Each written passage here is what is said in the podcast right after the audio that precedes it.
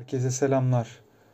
Kahve ile ilgiler podcast serisinin yeni bölümüne hoş geldiniz. Öncelikle bir önceki bölümden bugüne epey bir zaman geçti. Kusura bakmayın. Yeni bir işte çalışmaya başladım.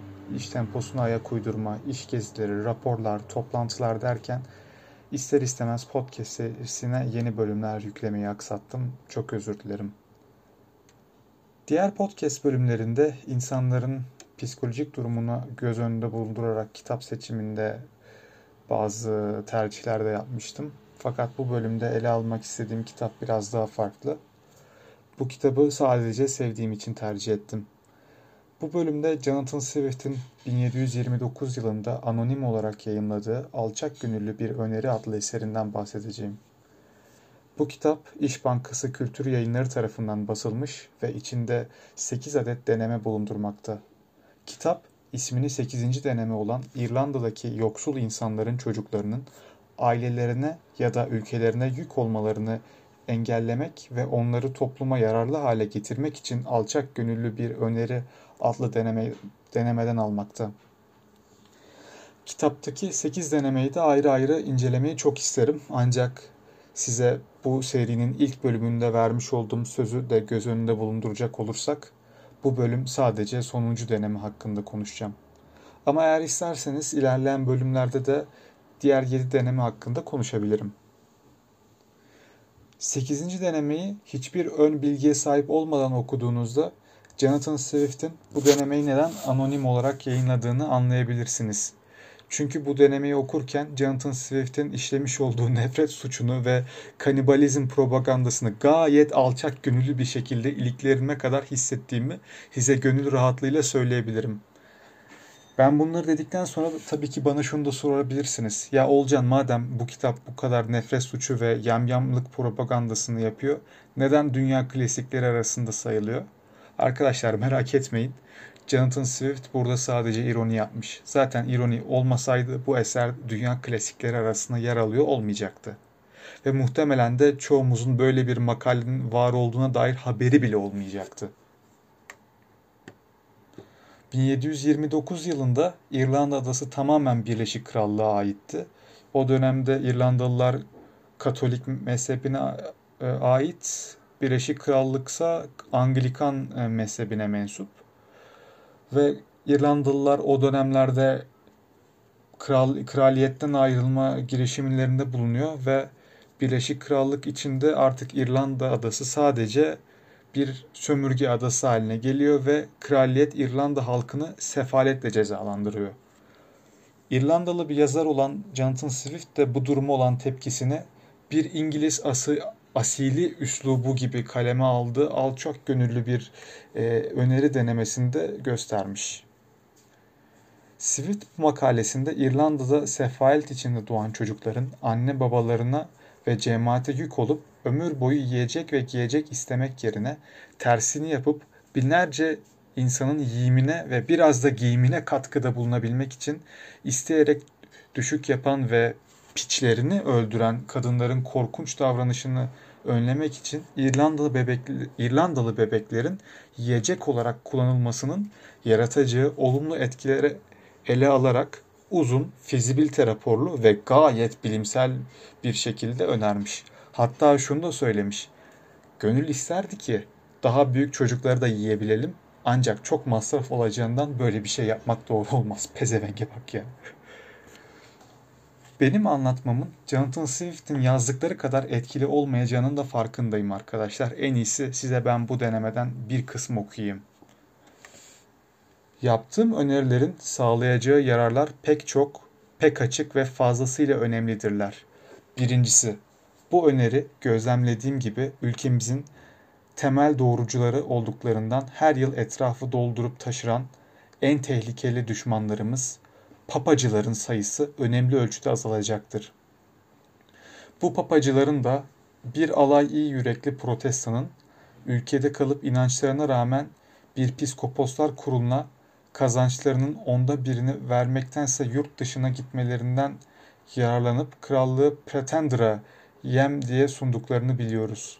İkincisi, yoksul çiftçilerin yasal olarak el konabilecek kendilerine ait değerli bir şeyleri olacaktır. Böylece de paranın ne olduğu bilmedikleri ve ürünleri ile hayvanlarına çoktan el konduğu halde kiralarını ödeyebileceklerdir. Üçüncüsü, 2 yaşında ve daha büyük 100 bin çocuğun parça başına yıllık gideri 10 şilinden az olmadığına göre ülkenin stoku yılda 50 bin pound artacaktır. Kralların var, krallığın varlığı ağzının tadını bilen beyefendilerinin masasına eklenecek yeni bir yemeğin kârda cabası. Üstü, üründe bütünüyle bizim üretimimiz olduğuna göre para dolaşımı kendi aramızda kalacaktır. Dördüncüsü, sürekli doğuranlar çocuklarının satışından elde edecekleri yıllık 8 şilinlik karın yanı sıra 1 yaşından itibaren çocuklarına bakma masrafından da kurtulacaktır. Beşincisi, bu yiyecek meyhanelerde büyük bir moda yaratacak. Meyhaneciler elbette eti en mükemmel şekilde tatlandırmak için en iyi tarifleri bulmaya özen gösterecektir. Böylece iyi yemek ve becerikli bir aşçı üzerine derin bilgileri ile haklı olarak övünen ince beyefendiler meyhanelerine sık sık geldikçe konuklarına daha iyi hizmet verecek, fiyatları istedikleri gibi yükseltebileceklerdir. Altıncısı bu durum bütün bilgi ülkelerin ya ödüllendirerek teşvik ettikleri ya da kanunlar ve cezalarla zorunlu kıldıkları evlilik kurumunu canlandıracaktır. Zavallı bebeklerinin geleceğinin toplum tarafından şu ya da bu şekilde düşünüldüğünden emin olan, her yıl masraf yerine kar edeceğini bilen annelerin de çocuklarına sevgisini ve şefkatini artıracaktır. Bizler de pazara kimin en şişman çocuğu getireceği konusunda evli kadınlar arasında namuslu bir rekabeti izleyebileceğiz.